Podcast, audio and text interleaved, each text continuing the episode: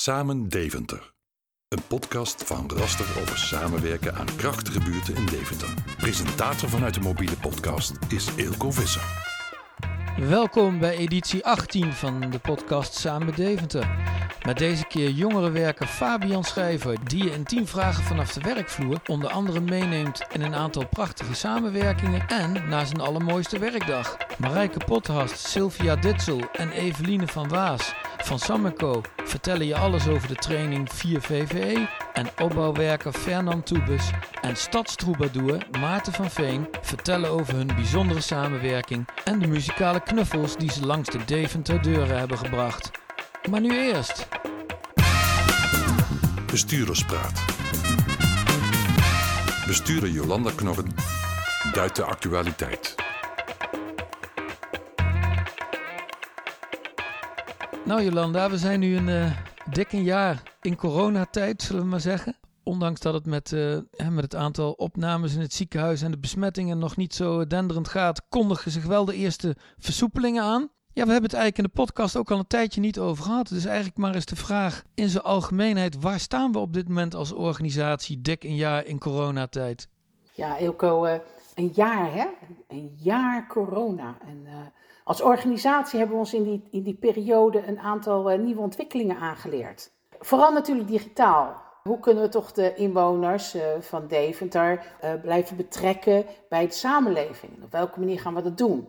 Maar niet alleen digitaal. Wat ook heel belangrijk is, is dat onze creativiteit verder is aangeboord. Echt, we hebben natuurlijk verder na moeten denken hoe we toch die mensen in die wijken kunnen blijven ondersteunen. En ja, daarbij was niets meer vanzelfsprekend. Uh, we hebben vorige week uh, bijvoorbeeld twee medewerksbijeenkomsten gehad, digitaal. Nou, dat was ook een uitdaging, laat dat duidelijk zijn. Het eerste was vanuit kinderopvang, een uitnodigingsdocument waarvan we zeggen, samenwerkingspartners, wij nodigen jullie uit om met ons nou eens het gesprek aan te gaan hoe we ons werk verder gezamenlijk zouden kunnen inrichten. En wat kunnen we voor elkaar betekenen? Daarnaast hebben we ook een bijeenkomst gehad over de BCF, dat is onze subsidie en hoe pakken we dat nou aan? Waar liggen de accenten? En alles is natuurlijk gericht op één ding, dat de samenwerking met onze partners. Maar ook intern, vanuit welzijn, samen met kinderopvang. En dus samenwerken aan, uh, ja, aan sterke buurten. Hoe gaan we dat verder oppakken? En die creativiteit heeft ertoe geleid dat er uh, ja, gewoon bijzondere dingen zijn ontstaan. Die, ja, als er geen corona was geweest, waarschijnlijk niet aan de orde waren geweest. Nou, en uh, we hebben natuurlijk ook weer, uh, hè, want dat, dat is wel ook spannend in die coronatijd, zeker als het om de kinderopvang gaat, want het is open, dicht, open, dicht, open, dicht, open, dicht. En nu is dus de BSO weer open gegaan. Hoe is dat allemaal verlopen? Dat moet ik toch ook eerlijk zeggen, dat is toch wel een uitdaging op dat moment hoor. Kijk, het gebeurt natuurlijk, maar het is, gaat niet vanzelf. Hè. We hadden een paar dagen om uh, de volledige buitenschoolse opvang te kunnen heropenen. In eerste instantie zijn, waren het natuurlijk alleen maar gecohorte groepen in de noodopvang. Nou, dus het woord zegt het al. Het zijn natuurlijk een soort bubbels, cohorten, uh, waarbij je ervoor zorgt dat de besmetting uh, niet verder kan gaan dan die bubbel. Nou, dan gaan we open en dat, dat betekent dat we weer mee gaan bewegen bij wat de samenleving vraagt. En het is een dubbel gevoel. Want aan de ene kant is het natuurlijk geweldig voor iedereen en voor medewerkers, maar natuurlijk ook voor ouders en kinderen om elkaar weer te zien en om weer samen dingen te ondernemen. Kinderen onderling vinden het natuurlijk ook geweldig om elkaar weer te ontmoeten. Maar het was best een uitdaging om die cohorten vorm te geven en dan ook te bewaken. En um, dan nu ook weer de uitdaging om het verder te openen. En hoe vul je dat dan in? En we hebben daar binnen de kinderopvang een zogenoemd handelsperspectief. Waarbij we kijken, ook nu, waar kunnen we nog wel cohorten inrichten? Waar is dat praktisch haalbaar? Uh, want ja, blijf toch staan. Ik hoor jou net ook wel zeggen, ja, de besmettingen lopen toch nog op. Dus veiligheid staat nog steeds hoog in het vaandel. En uh, ook al zijn we heel blij iedereen weer te zien, we moeten nog steeds uh, alert blijven. En ik hoop natuurlijk dat dit proces van volgende week met de hele kleine versoepelingen, ja, natuurlijk de eerste stap is naar weer een, uh, een mooie toekomst. Met uh, terrasjes en bakjes koffie en elkaar weer, nou, meer dan hoe we het nu kunnen doen, elkaar kunnen ontmoeten. Tien vragen en antwoorden vanaf de werkvloer. Wie ben je? Ik ben uh, Fabian Schrijver. Wat is jouw functie? Ik ben jongerenwerker. Hoe lang werk je al voor Raster? Ik werk momenteel uh, een half jaar voor Raster. Vanuit welke locatie of buurt werk je? In uh, de wijk Kolmschaten, Kolmschaten Zuid. En daarnaast ja, richt ik me op de verbinding tussen cultuur en welzijn. Hoe zou je jouw locatie of buurt beschrijven? Uh, zoals ik al zei, werk ik uh, vanuit uh, Kolmschaten Zuid, maar ook een deel stadsbreed. Vooral het onderdeel cultuur en de talentontwikkeling ben ik vooral stadsbreed bezig. Dat wil zeggen samenwerkingen met het Burgerweeshuis, met de Walhalla. Maar ook hebben we onlangs het project Mindset gelanceerd. En dat is echt een, een stadsbrede samenwerking met heel veel partijen. En dat is eigenlijk voor jongeren bedoeld om het taboe over ja, het gesprek van, over mentale uitdagingen eigenlijk te doorbreken. We merken gewoon dat veel jongeren, nou, eigenlijk veel mensen in deze coronatijd, veel uitdagingen hebben op mentaal vlak. En, en ja, we willen vooral laten zien van hey, het, is, het is normaal. Dus in het programma Mindset gaan we met BN'ers en uh, bekende Deventenaren in gesprek over uh, de uitdagingen die ze zelf hebben gehad en hoe ze daarmee om zijn gegaan. Wat maakt het werken er zo interessant? Ja, dat is dus ook uh, een van de dingen die ik zo interessant vind. Ik, ik, ma ik merk dat ik gewoon heel veel vrijheid krijg in mijn werk. Elke individu, elke groep is anders. En je, je gaat als jongerenwerker stap je in zo'n groep en, en ga je eigenlijk kijken van wie zijn jullie en bouw je relatie op. Waar loop je tegenaan en hoe kan ik dat ondersteunen? En uh, dat kan zowel probleemgericht zijn. Dus stel er is een uh, groep die overlast veroorzaakt uh, in, de, in de wijk. Dan bouw je daar contact mee op en ga je kijken hoe je die jongeren eigenlijk een, een betere plek kan bieden. Of kijken wat ze willen.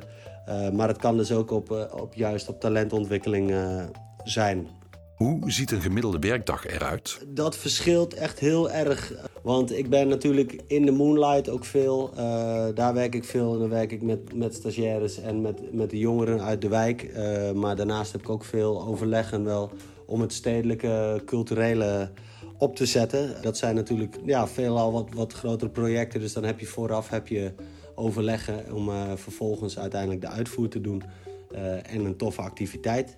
Wanneer heb je een goede werkdag gehad? Ik heb een goede werkdag gehad als ik um, stappen heb kunnen maken, sowieso. Uh, in de dingen waar ik mee bezig ben. Maar wat ik ook altijd belangrijk vind, zijn er nieuwe ideeën ontstaan. Dat betekent dat ik energie heb gekregen, namelijk. En dat wil niet zeggen dat ik elk idee moet uitvoeren, maar dat vind ik wel belangrijk. En, en het telt ook wel mee, um, heb ik het gevoel dat ik actief, uh, echt actief in mijn werk bezig ben geweest. Dus heb ik veel mensen gesproken. Ja, dat, dat vooral. Maar het kan soms ook zijn, als ik één jongere gewoon echt even een stap vooruit kan helpen, dan, ja, dan ben ik ook al heel erg tevreden. Wat gebeurde er op jouw allermooiste werkdag? ik, ik, ik kan eigenlijk alleen maar zeggen dat, dat dat zijn er zoveel. Ik vind die talentontwikkelingstrajecten, de Talent House trajecten die we doen met het Burgerweeshuis en, en de stappen die jongeren daar zetten, vind ik echt, echt te gek. Uh, maar onlangs uh, kreeg ik ook een, een, bericht dat een jongere die ik ooit uh, bij de radio heb kunnen laten optreden, dat zijn nummer nu in een landelijke documentaire komt. Nou, dat zo'n groot project als, als Mindset uh, van de grond komt, dat, dat vind ik echt super waardevol. En daar ben ik echt heel trots op. Nou, wat ik ook echt mooi vond, denk ik wel, is vorig jaar toen corona ontstond, toen uh, ben ik met collega uh, jongerenwerker Laurens Pambuur, zijn we eerst live gegaan op Instagram om, om in ieder geval in, in gesprek te blijven met de jongeren.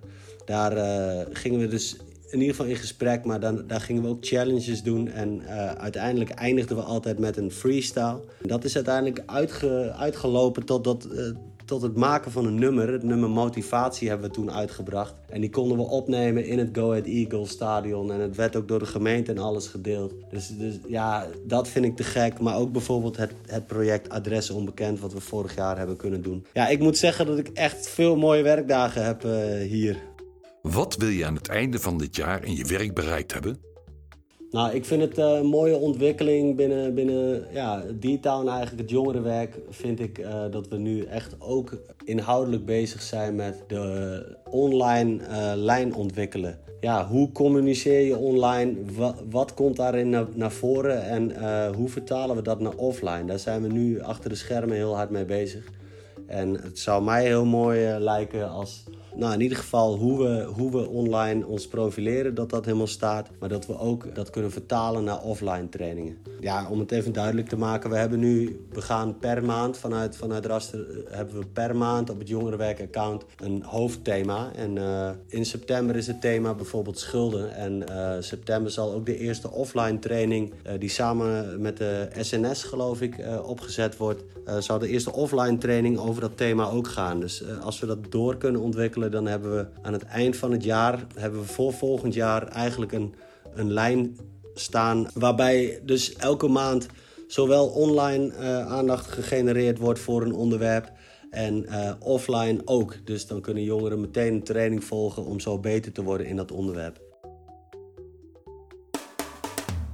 Samen aan het werk. Een bijzonder samenwerkingsproject in de Spotlights.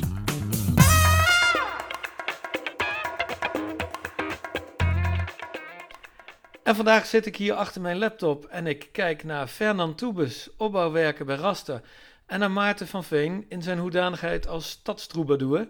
Ik heb allerlei beelden bij een stadstroubadour, maar, maar vertel jij vooral eens wat een stadstroubadour allemaal doet. Het is natuurlijk eigenlijk iets heel nieuws. In de zin van, eh, we hebben al een tijdje een stadsdichter, maar een stadstroubadour is nieuw. En wat ik probeer te doen, ik ben muzikant, singer-songwriter. En in deze rol probeer ik eigenlijk om mooie bewonersinitiatieven te bezingen. De mensen die zich inzetten voor de gemeenschap eh, iets meer podium geven. Er zijn allemaal mensen die zich vrijwillig inzetten in buurthuizen of nou ja, allerlei dingen eigenlijk.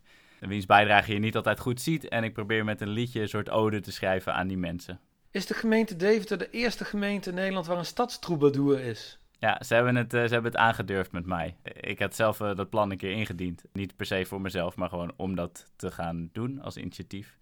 En ik hoop ook heel erg dat er na mij eh, een opvolger komt. Nou ja, ik was dus stadstroubadour en eh, na drie maanden in mijn, eh, in mijn eerste termijn... toen brak ineens het coronatijdperk aan. En alle mooie plannen die ik had om kleine evenementjes te organiseren rondom die songs... en die mensen die zich dan inzetten, die, die vielen een beetje in het water ik wilde wel actief blijven voor de stad, voor de gemeente. En dat heb ik op allerlei manieren proberen te doen. En eentje daarvan is geworden Liedjes aan Huis. En eh, daarmee ga ik eigenlijk de wijken in om liedjes aan huis te bezorgen. Het is eigenlijk precies wat het, eh, hoe het klinkt. maar dat kan ik natuurlijk niet alleen, want ik ken niet elke wijk in Deventer even goed. Dus ik heb vooraf gevraagd aan Raster van... hey, vinden jullie dit een gaaf idee? En kunnen jullie dan ervoor zorgen dat er in elke wijk, in elke wijk een opbouwwerker meegaat? En eh, nou, daar hadden ze wel oren naar, gelukkig. Dus dat is een hele mooie samenwerking geworden. En zo kwam je dus ook op het pad van Fernand uit. Ja, precies. Ja. Ja, zo ging het inderdaad. Want ik werd eh, toen gemaild of gebeld door eh, Maarten. En hij zei van, dit is het plan. Lijkt je wat om aan te haken? En ik dacht, ja, dit is een mooie kans voor de wijk. Dus ik zei tegen Maarten van, eh, dit gaan we doen. Dus hoe gaan we dit samen oppakken en organiseren? Kort en simpel komt het hierop neer. Ik heb samen met Maarten een, een datum geprikt. We gaan dan de wijk in.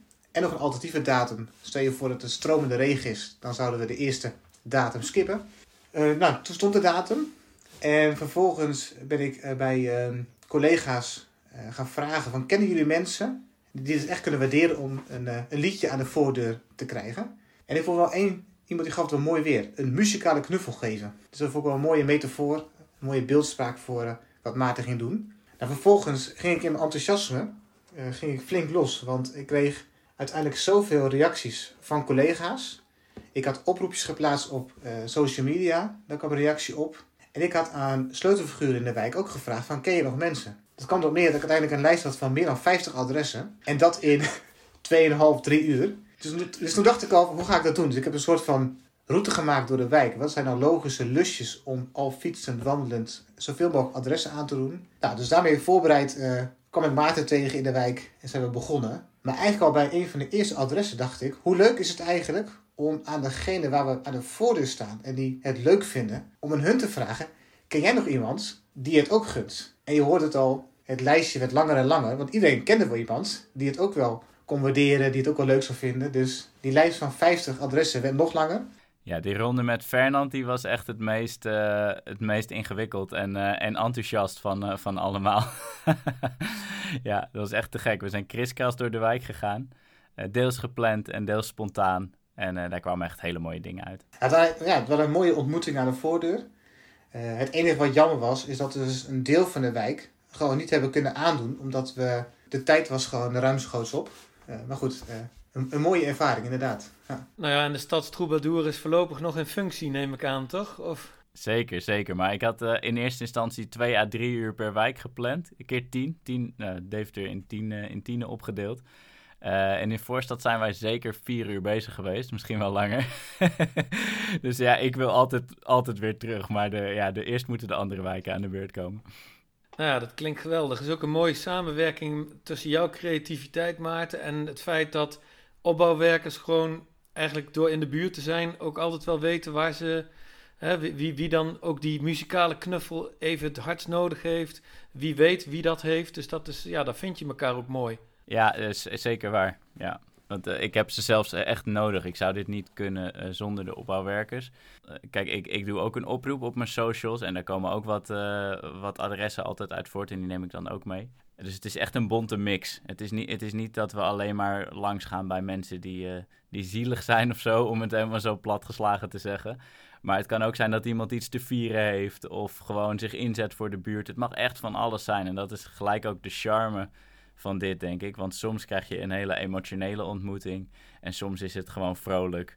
En uh, gewoon even een glimlach, weet je wel. Er komt van alles langs en dat, uh, dat is gewoon heel gaaf. Natuurlijk als opbouwwerker ken je de wijk voor een deel. Je kent de inwoners, maar de grootste kracht staat toch alweer... eigenlijk vind ik in de inwoner van de wijk zelf. Want als we een directe doorverwijzing kregen van een inwoner die iemand anders aan, aan ging bevelen. Dat waren vaak de meest rake ontmoetingen. Want dan kon je zeggen, hey, die en die heeft gezegd dat we hier langs moesten gaan. En het enige wat, wat ik dan doe als opbouwwerker is daarbij aansluiten. Daar langs komen en het in verbinding brengen. En dat kon ik ook heel mooi doen samen met Maarten. Want de ene keer um, had iemand net even een setje nodig om toch open te staan voor het stukje muziek. En de andere keer um, kon Maarten diegene overtuigen en de andere keer ik. En soms iemand, nee, ik heb hier echt geen zin in. Nou, prima. Dan gingen wij een deur verder. Dus dat was echt een mooie samenwerking van het, het kennen van de wijk, het de ander zien en daarbij aansluiten en uh, eigenlijk een stukje ervaring cadeau geven. Want eigenlijk was het meer dan muziek. Dat is gewoon de teksten van Maarten, die zijn raak. Dat zijn gewoon rake woorden. En dan in combinatie met wie Maarten is, zorgt dat vaak voor een echte ontmoeting. Waarbij dus muziek een hele mooi, heel mooi middel was. Ja. En Maarten, kun jij even vertellen waar mensen uh, impressies van jouw uh, liedjes van, van jou, misschien wel jouw bezoeken in de buurt uh, kunnen zien? Kunnen ze op YouTube ergens terecht? Ja, zeker. Ik heb onder de naam De Reisgenoot maak ik al een hele post muziek. En dat kunnen mensen gewoon vinden op dereisgenoot.nl. Of als je De Reisgenoot invoert op YouTube, dan vind je ook een hoop. Of Spotify.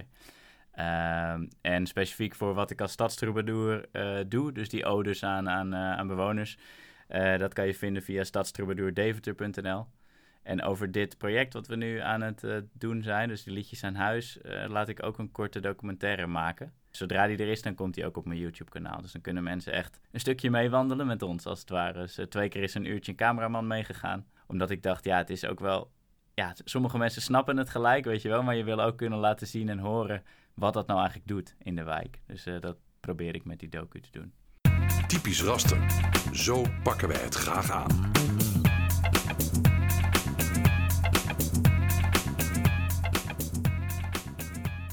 En voor deze editie van Typisch Raster uh, zit ik zoals de laatste maanden te doen gebruikelijk naar mijn scherm te turen. En daar zie ik Marijke Pothast, Eveline van Baas en Sylvia Ditzel van Sam Co. En wij gaan het uh, hebben over de door Sylvia en Marijke afgeronde basistraining 4 VVE. Marijke, kun je voor de wat minder ingevoerde luisteraars eens vertellen waar 4VVE eigenlijk voor staat? VVE staat voor voor- en vroegschoolse educatie en het is bedoeld voor kinderen tot en met vier jaar.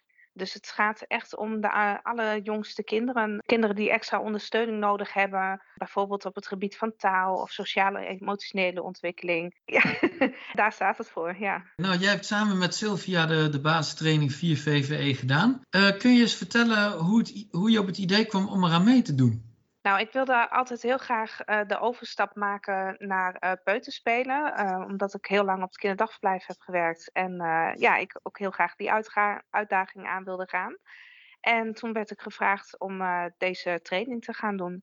Het meest belangrijke wat ik heb geleerd eigenlijk tijdens die training is dat je niet altijd alles kunt plannen. Je plant eigenlijk heel veel op een hele dag. Je thema's, de kring, de activiteiten die je doet met de kinderen. Maar dat je vooral ook heel veel eh, leermomenten kunt halen voor de kinderen uit de dagelijkse routines, de, het, het vrij spelen, de kleine momentjes die je hebt met, uh, met uh, één of twee kinderen onderling. En dat was voor mij eigenlijk de meest grote eye-opener van, van de hele training. Sylvia, mag ik jou eens vragen, wat, wat heb jij tijdens, deze training nu echt geleerd? Dat je dacht van, nou, dit valt me op of hierdoor kijk ik echt anders tegen mijn werk aan. Je bent veel bewuster bezig met dingen. Waar je in het begin dacht van, dat je dat dan leest van, hé, hey, maar dat doe ik eigenlijk al. En nu heb je zoiets van, nu gaan we er bewust mee bezig. Van dit kindje, die, uh, dan merken we dat de taal er niet helemaal lekker loopt. Dan gaan we er bewust mee bezig. Ik ga bewust activiteiten aanbieden voor die taal. En waar je voorheen dacht van, hé, hey, ik heb een activiteit gedaan.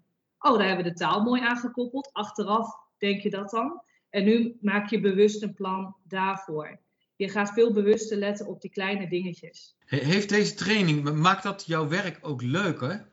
Het maakt het wel uh, het sowieso interessanter en ook leuker, omdat je, je haalt veel meer uh, profijt uit je werk. Waar je normaal dan je bent al bezig met het dagritme en nu haal je zoveel meer uit je dagritme, omdat je er veel bewuster mee omgaat. Waardoor je ook de kinderen veel meer ziet groeien. En je neemt ook de baby's meer mee. Wat je voorheen denkt van, nou, die baby's hebben dat allemaal niet door. Nee, jawel. Die baby's die hebben dat allemaal wel door. En je, als je ze meeneemt ook in je dagritme, leren zij ook daar weer onbewust wat van. Evelien, waar kom jij in dit plaatje in beeld? Uh, nou, ik ben de pedagogisch beleidsmedewerker coach. En wij kijken uh, binnen de organisatie samen met onze collega's naar wat er nodig is voor de medewerkers om zich door te kunnen ontwikkelen. Wat onze doelen zijn met de kinderopvang en wat dan de medewerkers dus nodig hebben om die doelen te gaan bereiken op de groep. De opleiding is, is, is de basis. En in dit geval bijvoorbeeld de 4 VVE komt uit het uh, convenant jonge kind en voor- en vroegschoolse educatie van 2019 uh, tot 2022. Dat zijn afspraken die zijn gemaakt uh, met de gemeente Deventer en uh, verschillende schoolbesturen en uh, kindercentra. Daarin staat geborgd, nou, alle medewerkers die werken op een VVE-groep, die worden daarin opgeleid. En in die, daarin is dus de opleiding 4 VVE, de basisopleiding. En worden ze ook nog opgeleid in bijvoorbeeld verschillende methodes, zoals piramide, waar wij dan mee meewerken. Ja, nou, dat is, dat is hartstikke mooi. Hè? We hebben het uh, verhaal van Sylvia Marijke uit de praktijk. Jij plaatst het dan in een, in een meer beleidsmatig kader. En dan roept bij mij dan direct weer de vraag op... wat betekent dit dan voor de kinderen? Want daar doen we het uiteindelijk voor, toch? Ja, daar doen we het voor. De, de, de missie van Deventer uh, ook zegt... optimale kansen voor alle kinderen in Deventer. En daar werken we voor. En dat doen we onder andere via de basistraining 4 VVE. Zeker luisterde naar Samen Deventer. Een podcast van Raster over samenwerken aan krachtige buurten in Deventer. Wilt u meer informatie over rasterwelzijn en Samenco? Bezoek dan onze website www.rastergroep.nl. Wilt u reageren op deze podcast? Ons een tip geven, een compliment maken of wellicht een mooi samenwerkingsproject aandragen? Mail dan naar podcast.rastergroep.nl. Bedankt voor het luisteren.